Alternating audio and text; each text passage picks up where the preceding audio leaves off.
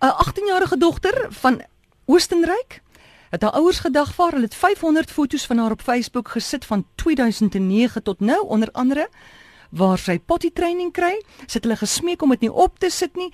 Hulle het 700 eh, volgelinge op daai Facebook. Die pa sê nee, hy kan dit doen want hy het die foto self geneem.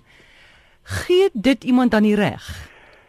Goed, kom ons kyk net eers hier nou. Ek het bietjie gaan kyk na hierdie berig. Ehm um, en dis 'n ernstige saak hierdie. Jy weet die, die statistieke sê daar was 'n opname gewees oor hierdie storie en die en en die gemiddeld wat uit die opname uitgekom het is dat ouers ehm um, in die eerste 5 jaar voor hulle kind 5 jaar oud is, het hulle oor 1000 fotos van die kind uh op sosiale netwerke mm. geplaas op Facebook of waar ook al.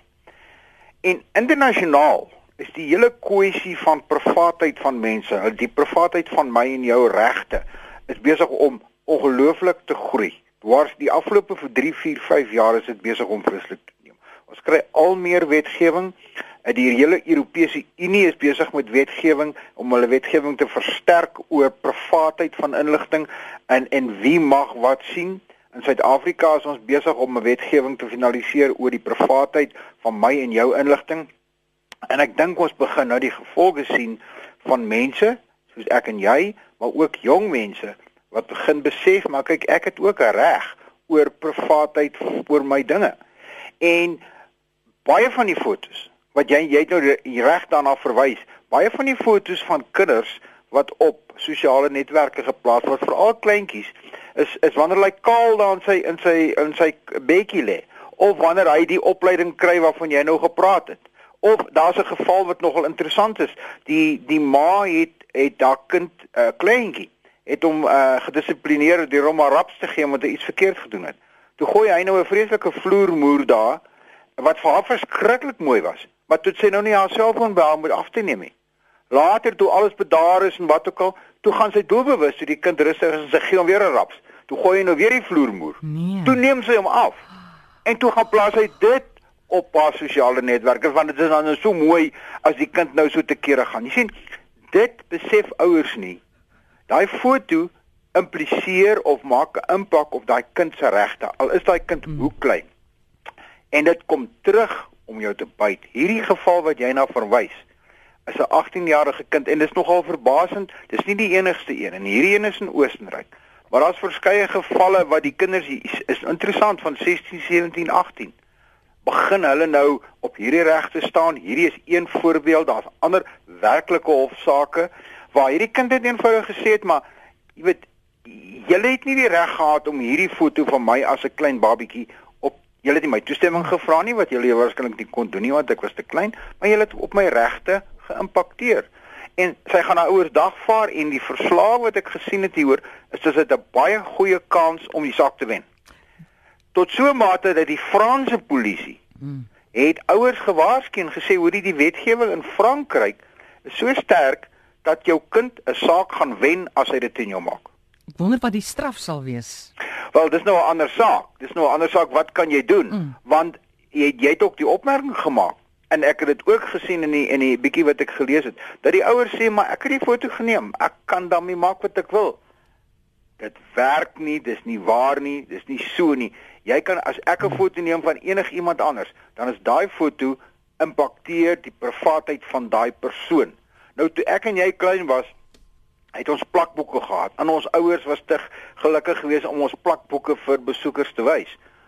Baie van hierdie tipe fotos waaroor daar nou 'n probleem is, het in daai plakboeke verskyn, maar dit was tussen die besoeker, daai boek het nêrens verder gegaan nie. Ons het nou elektroniese plakboeke, ons het Facebook. Daarom is dit so maklik om hierdie foto te plaas. En ek sê nou vir jou, ons sien dit nie net van 'n van 'n sosiale onaanvaarbaarheid nie, maar van 'n wetlike oogpunt. Dit kom terug om daai ouer te byt. En dit geld nie net vir die ouer nie. Dit geld vir die jong kind ook wat by hierdie partytjie fotos geneem word ja. waarop hy of sy nie toestemming het nie of dan sogenaamd getag word en jou naam word daarop gesit en dan kry jy hierdie gevolge. Jy kry die gevolge van die werkgewer gaan lees maar wat sê werkgewers. Ons gaan deur jou sosiale netwerke. O, toe jy in eerste jaar was, kyk wat het hier gebeur. Is nog altyd daar. Ja.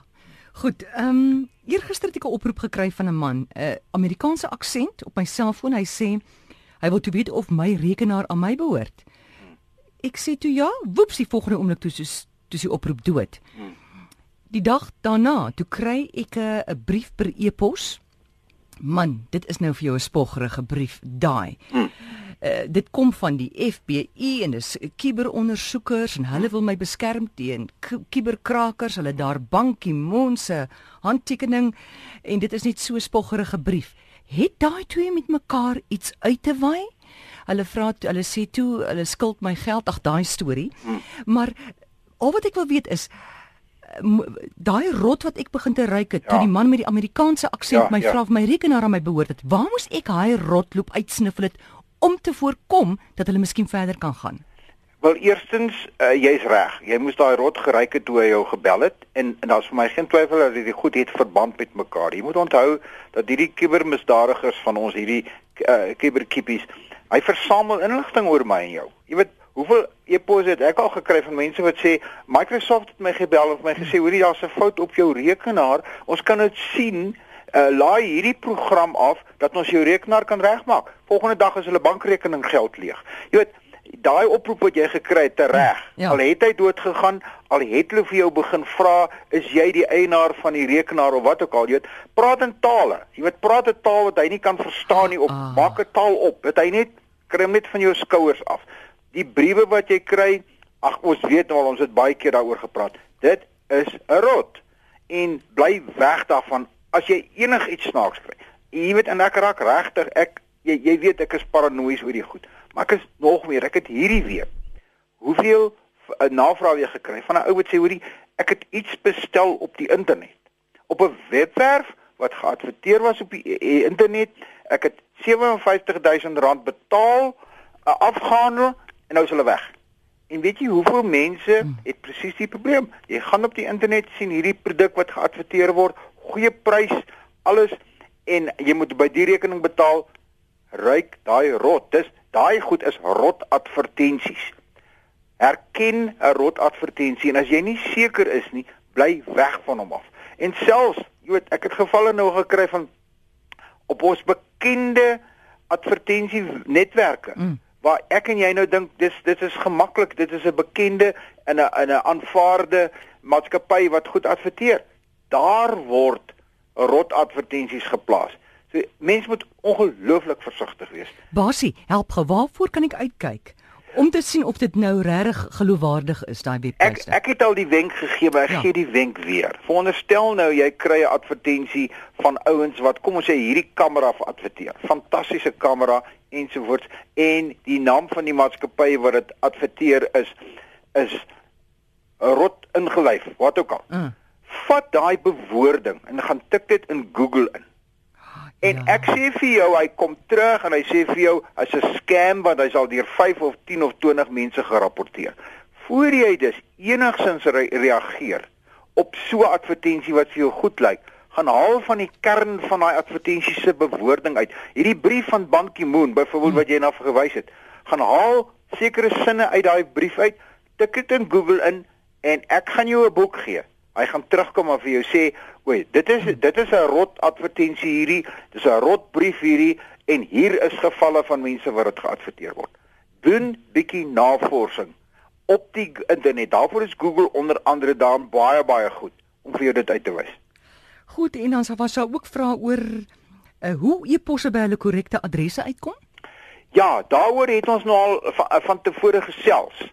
Uh, dis eintlik 'n lang gesprek. Ek dink ons moet dit miskien maar los vir 'n volgende gesprek want jy weet dit gaan hier oor ons het al gepraat hoe lyk die e-posadres mm. uh vir al die laaste twee karakters en hoe hierdie adres omgeskakel word terwyl ons daarvan praat. Ek gaan dit nie heeltemal nou verduidelik nie, maar uh so 'n maand of wat gelede was daar een van die grootste aanvalle op die internet wat nog plaasgevind het. Hulle het hoeveel webwerwe van die lug afgehaal en wat hulle aangeval het is nie die webwerwe self nie, maar hulle het die sogenaamde domeinbediener, want jy moet onthou as ek intik www.rsg of ek stuur vir jou 'n brief by amore by iafrica.com dan die rekenaar verstaan nie Afrikaans jy verstaan nie Engels jy verstaan niks daai adres moet dus omgeskakel word in 'n syferkode want rekenaars se adresse is is is kombinasies van syfers.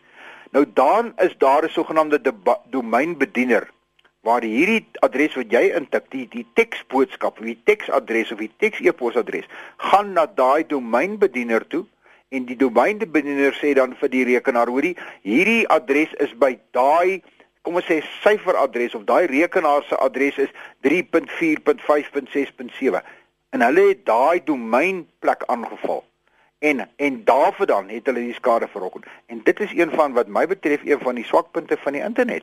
As jy die be domeinbediener byvoorbeeld as ek RSG of jou e-posadres daar verander op daai domeinbediener en ek verander die werklike sogenaamde IP-adres van jou uh, van jou e-posadres, dan gaan hy gaan hy e-pos na die verkeerde plek toe.